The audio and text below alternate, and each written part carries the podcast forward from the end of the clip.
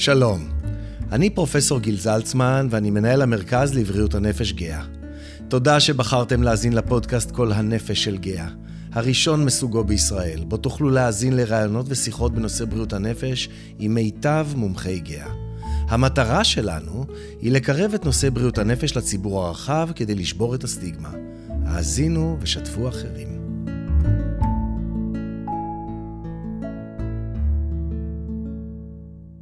שלום למירב שפירא. שלום גיל.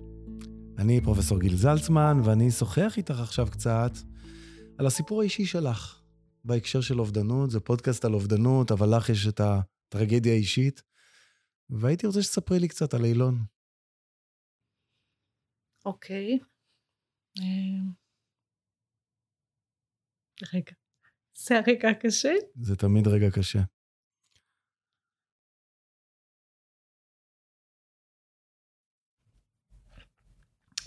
אילון היה ילד שכל הורים נורא רוצים. ילד שכל הורה נורא רוצה שיהיה כזה ילד בדיוק שיהיה לו. אה, ילד יפה ורגיש ומצטיין. מצטיין בבליך ושנת שירות ושמונה מאתיים ואחרי זה במוסד תמיד כזה השפיץ שבשפיץ מנגן על מלא מלא כלים ורגיש רגיש, רגיש, רגיש, רגיש. תמיד הוא היה ילד מאוד רגיש. אה, מחשבות אובדניות וסימפטומים אובדניים התחילו לו בגיל הנעורים. Mm-hmm. שפתאום אה, חברים באו ואמרו שהוא מאיים להתאבד, ולמעשה ככה בפעם הראשונה הבנו שהרגישות היא כבר לא רגישות רגילה, אם החברים לא היו באים להגיד, לא הייתם רואים שום דבר. לא הייתה סיבה לחשוב ש...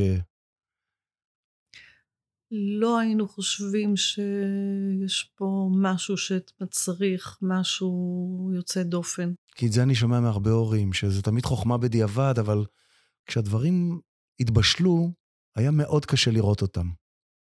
זה מדויק ולא מדויק, משום שכהורה, אני כאימא כל הזמן ראיתי אותו. מה שלא ידעתי לדעת זה איפה, איפה עובר הקו בין קושי ועצב שהם נורמטיביים לגיל, לסיטואציה, להתמודדויות, לבין חצייה של איזשהו קו, איזשהו קו שמחייב התערבות מסוג אחר. Mm-hmm. זה הקושי כאימא, לא לראות אותו שהוא לא, תקין, לא תקין רגשית. זה, אני חושבת שכל הזמן אני, אני יודעת למפות איפה הוא נמצא על הסקאלה, אבל מה המשמעות של זה, זה לא ברור.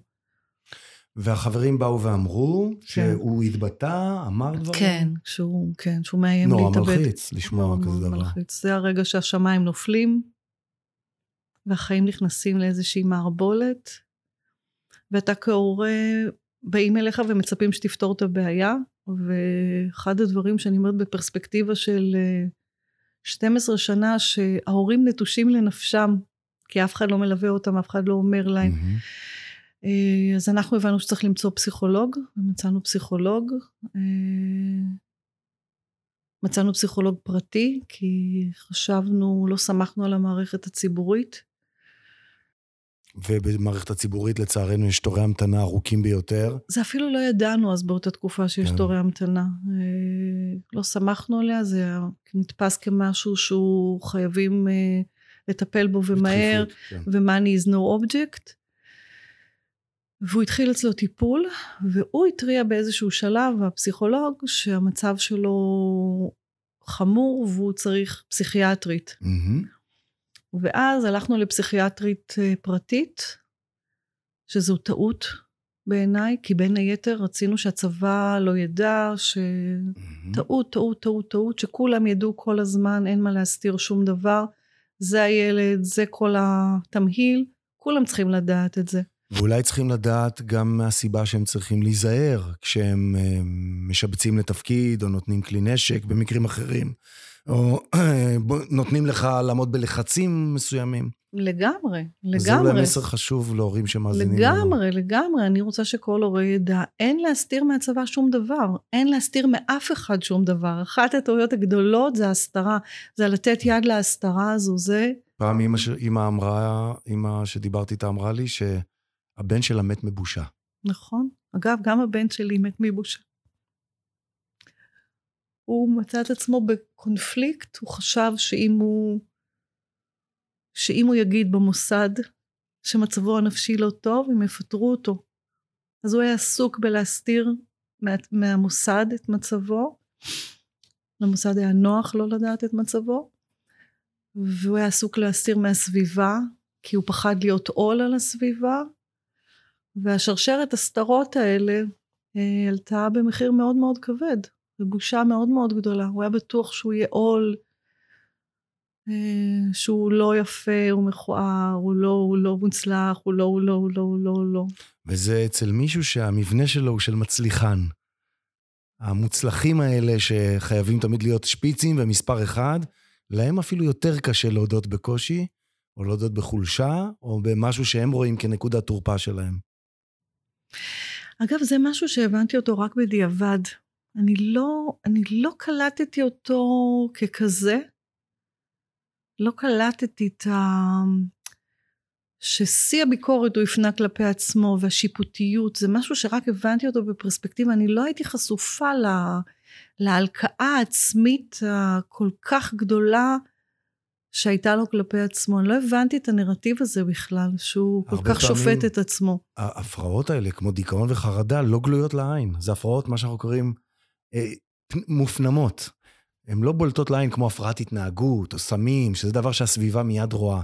אדם יכול להסתובב מאוד דיכאוני וחרדתי, והסביבה לא תשים לב בכלל. אני חושבת שהסביבה זה אחד הכאבים הגדולים והתסכולים הגדולים. קודם כל הסביבה לא מבינה את זה, היא רואה את זה, אבל היא לא מבינה את זה. היא לא, לא מפענחת את הקודים. היא לא מפענחת, אבל היא גם לא יודעת את העובדות, היא לא יודעת שדיכאון זה מחלה. Mm-hmm. והיא לא יודעת שדיכאון זה מחלה שאפשר למות ממנה. Mm-hmm. אני אימא לילד שמגיל 16 מטופל, ואני לא שמעתי את המשוואה הזו. לא שמעתי, אף פעם לא אמר לי אף אחד מהמטפלים הפרטיים, הוא בדיכאון, ודיכאון זה מחלה שאפשר למות ממנה. אף אחד לא אמר לי את זה. כי גם המטפלים לפעמים סובלים מסטיגמה, לא רק המטופלים. המטפלים סובלים מסטיגמה? על זה לא שמעתי. לפעמים, כן, כן. קשה להם לקרוא לזה מחלה, זאת מחלה כמו כל מחלה, עם גנטיקה, עם שינויים כימיים במוח, עם אינטראקציה עם הסביבה. ואחד הסימפטומים של המחלה הזאת זה מחשבות אובדניות, ואחת הסכנות במחלה הזאת זה שאפשר למות ממנה. כן. זה אולי הדבר היחיד שמתים ממנו בפסיכיאטר, זה מאובדנות. זה אחד הדברים הכי כואבים, שאת זה לא ידעתי. שזה באמת מחלה, פשוט מחלה. ואני אומרת, אם, אם היינו כולנו מבינים שזו מחלה, אז לא היינו מטפלים בה? הוא, הוא היה מתבייש בה? הוא קיבל טיפול לדיכאון, הוא קיבל איזושהי תרופה. הוא היה כל השנים על כדורים. כן. והוא לא לקח את הכדורים בתקופה האחרונה, מצאנו... הפסיק לקחת. מצאנו ערימות של כן. כדורים מהחודשים האחרונים. זה גם שכיח, שאתה נותן טיפול תרופתי לדיכאון, אדם לוקח אותו, ובגלל כל מיני תופעות לוואי שלפעמים לא נוח לדבר עליהם, נכון. הם מפסיקים בלי להגיד לך, ואתה בטוח שהם לוקחים, והדיכאון הולך ומחמיר מתחת לעיניים. זה ללא ספק, זה היה שוק גדול לגלות את הערימות של הכדורים של החודשים האחרונים שהוא לא לקח. אז אילון היה בן 26 וחצי במותו.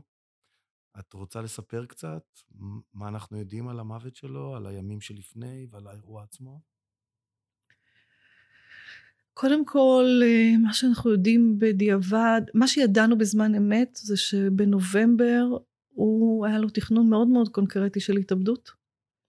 הוא גר עם חברה בהרצליה, חברה לא הייתה בבית, זה היה ערב, הוא התקשר לחבר, ולמזלנו עוד פעם אותו pattern של הצלה, שהוא פונה לחבר, חבר פנה לחברה, והחברה הזעיקה אותנו, ואז נסענו אליו הביתה.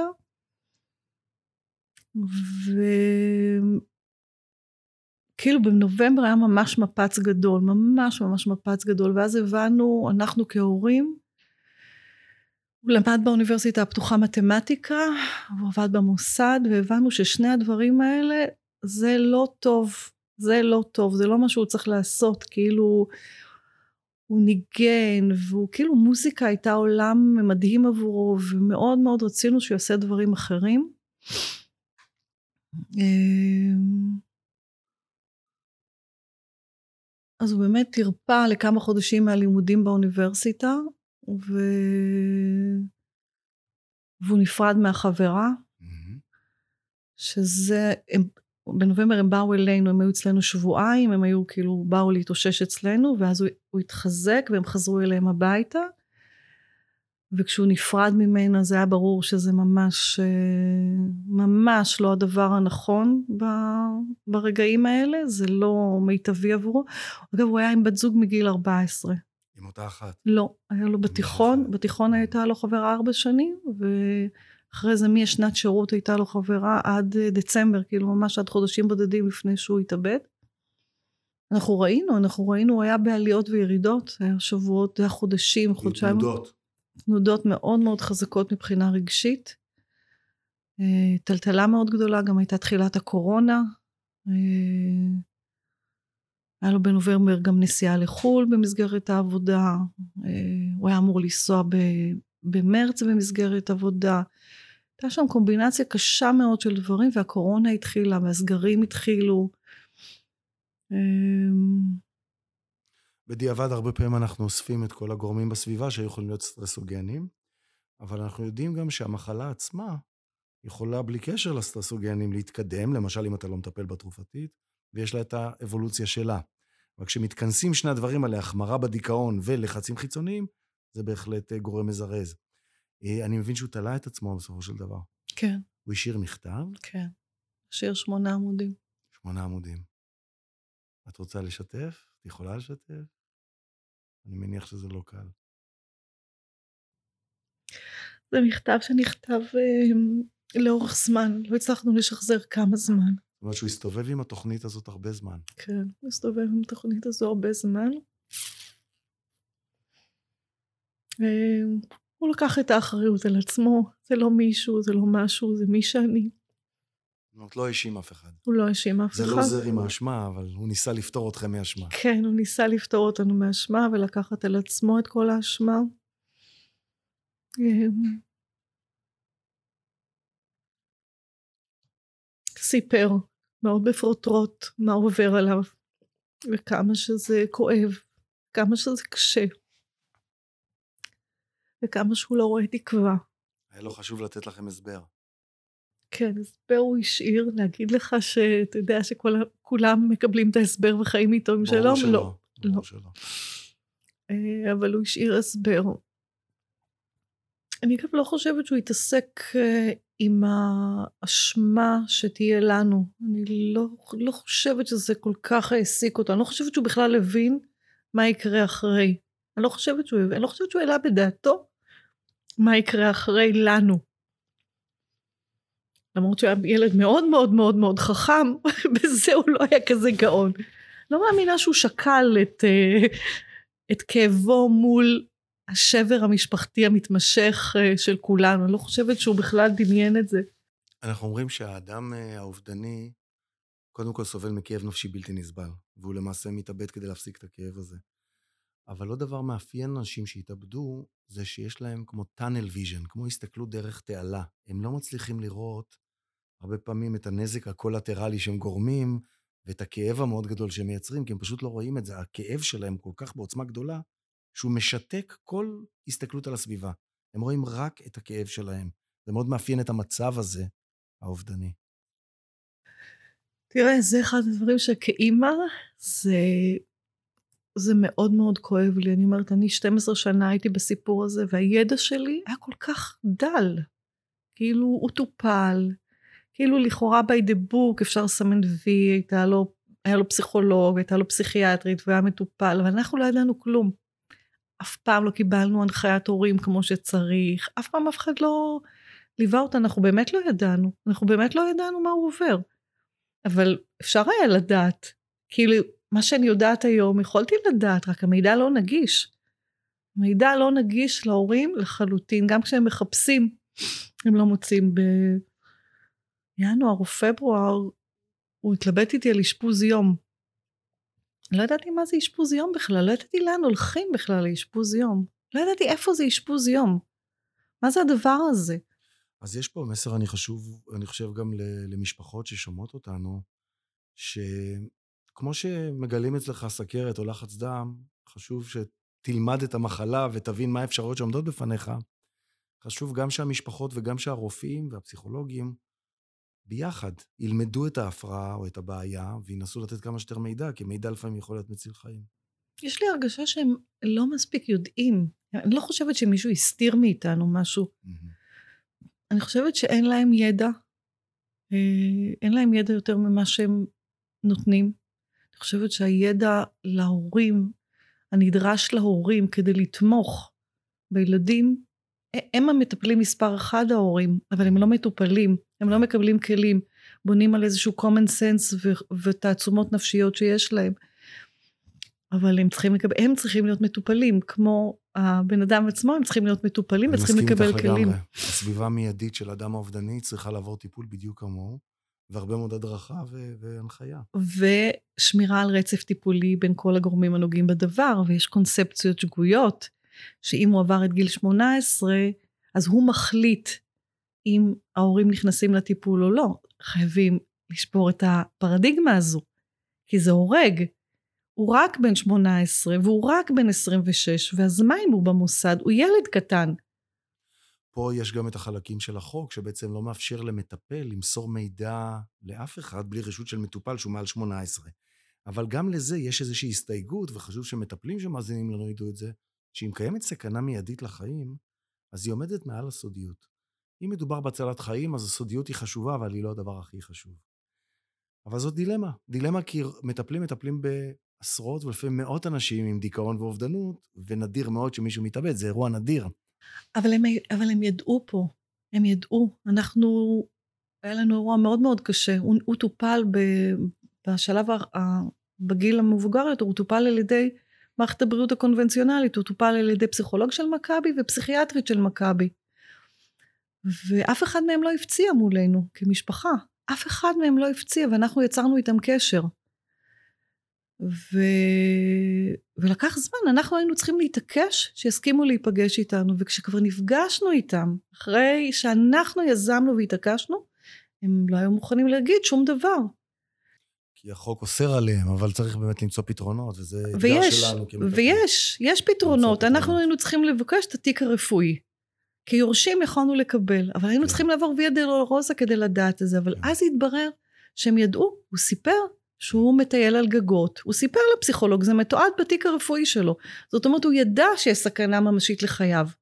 וגם הפסיכיאטרית ידעה, כי עובדה שהיא המליצה לו על אשפוז יום, אז היא ידעה. אז, אז למה אתם לא חושבים שצריך לייצר פה רצף טיפולי? למה אתם לא חושבים שצריך להיות פרואקטיביים ב- בלעקוב אחריו? הוא לא לקח את הכדורים. אבל אם את הפסיכיאטרית יודעת, את יודעת שהוא, את המלצת לו על אשפוז יום, זאת אומרת הבנת שמצבו לא טוב. תהיי במעקב אחריו באיזשהו אופן. תהיי במעקב, תדאגי שהמשפחה תדע, שמישהו ידע. לא. לא, הם הפקירו אותו לנפשו. אז מירב, את מעבירה פה איזשהו מסר שאת מרגישה שהמשפחה חייבת להיות שותפה יותר פעילה בתוך התהליך הטיפולי. של אדם אובדני. אני רוצה לשאול אותך באמת על השארים, על אלה שנשארו אחרי. על ה... אני קורא להם שורדים. הנותרים, אנחנו קוראים להם. הנותרים. אצלנו הם נקראים ש... הנותרים. כן, זה, זה, זה סטטוס שלא בחרת בו, ואני חושב שיש לך כבר מספיק פרספקטיבה אולי לתת אה, איזשהו מבט או עצה טובה לאנשים שנכנסים למעגל הזה בעל כורחם, והם טריים שם. מה את חושבת שאת יכולה לעזור להם או להמליץ להם כשכבר קרה האסון? אמ, קודם כל, להתפרק לרסיסים. לא מתים מזה. זה התגלית ה... אז להתפרק ולאסוף. ולהתפרק ולאסוף, ולא הכל צריך לחזור. לא כל הרסיסים צריכים לחזור, וזה בסדר גמור. אז התנועה הזו של הלהתפרק ולאסוף, היא התנועה mm. הראשונה. ולא... ואת לי... חושבת שזה אוניברסלי? ראית את זה בטוחה, גם אצל אנשים אחרים? אני בטוחה כן. שזה, זאת אומרת, עוד פעם, כן. בטוחה, מתוך מה שראיתי סביבי, כאילו, להתפרק, להתפרק, להתפרק. אחד הקשיים לפעמים של משפחה זה פוחדים להראות אה, לעצמם ולסביבה שהם, שזה כאב בלתי נסבל בשבילם, והם מנסים להחזיק מעמד ומזיקים לעצמם. אה, אני יכולה להגיד לך שאנחנו בחרנו מיד לשתף ולא להסתיר, הוא מת uh, מהתאבדות ואין לנו מה להסתיר ואין לנו במה להתבייש. ו... כולל עכשיו שאת בעצם עושה פודקאסט עם השם שלך ולא מתביישת נכון, בכלום. נכון, ממש לא. את גם מנחה קבוצות בעמותת בשביל החיים. כן, כן. איך זה בשבילך להנחות קבוצות? הרי זה כאילו לחיות את זה עוד פעם ועוד פעם, זה נשמע לי יסורי תופת. תראה, זה כמו עכשיו שאני יושבת ואני כאילו לא פוחדת מהדמעות. Mm. בסדר, אז זה כואב, אבל המטרה היא יותר חשובה. Mm. הרבה יותר חשוב. הקושי היה כשגיליתי כל מיני מידעים, והקושי היה שם, היה שם נקודה בלתי נסבלת, כאילו, אז מה עכשיו? אז עכשיו אני יודעת את זה, אז מה זה עוזר? זה התסכול של אילו הייתי יודעת, למרות שיכול להיות שזה בכלל לא נכון, אבל החוויה שאילו הייתי יודעת, אולי הייתי פועלת אחרת. כהורה, הציפייה שלנו מעצמנו זה לדעת, זה התפקיד שלנו. יש לנו תפקיד לדעת ולשמור. ודפנטלי, בתפקיד הזה כשלנו. זה חוויה שאני שומע הרבה ממשפחות, שתחושת כישלון. למרות שאם מישהו היה מת מדום לב, והיו סימנים של לחץ בחזה ולא סיפרו להם, הם לא היו מרגישים את אותה אשמה. יש כאילו באובדנות בכל זאת איזושהי אשמה יתרה שלא קורית כשמישהו מת ממחלה אחרת.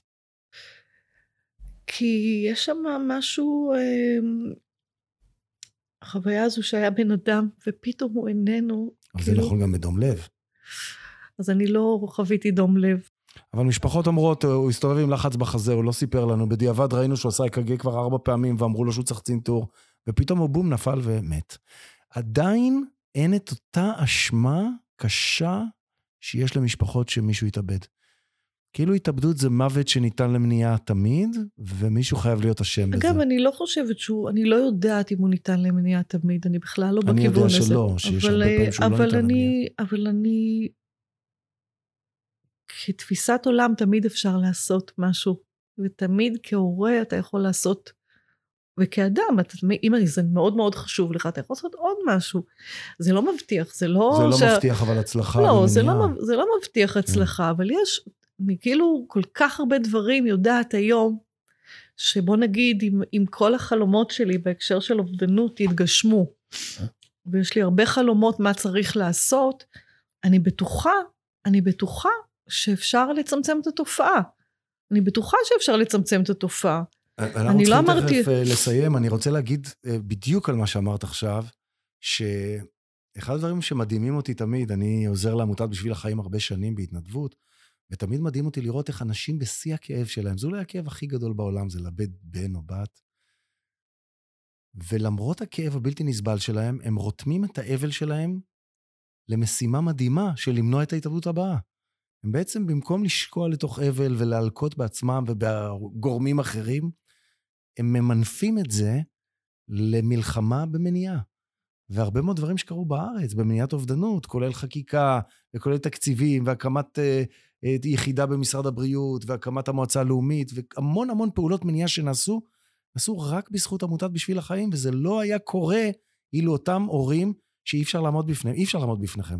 אתם באים עם כזאת עוצמת כאב שאף אחד לא יכול לסרב לכם. ואתם מצליחים לעבור קירות ולעשות שינוי משמעותי. וזה משהו שאני חושב שהחברה צריכה להודות לכם. שילמתם מחיר הכי כבד שאפשר, אבל אתם לא שוקים לתוך uh, קורבנות, אלא בעצם ממנפים את זה כדי למנוע את, ה, את הפעם הבאה.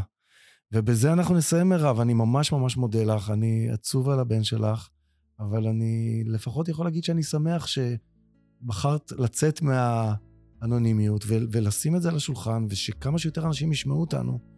אם נציל אילון אחד נוסף, עשינו את שלנו בעולם הזה. תודה רבה לך. תודה רבה לך.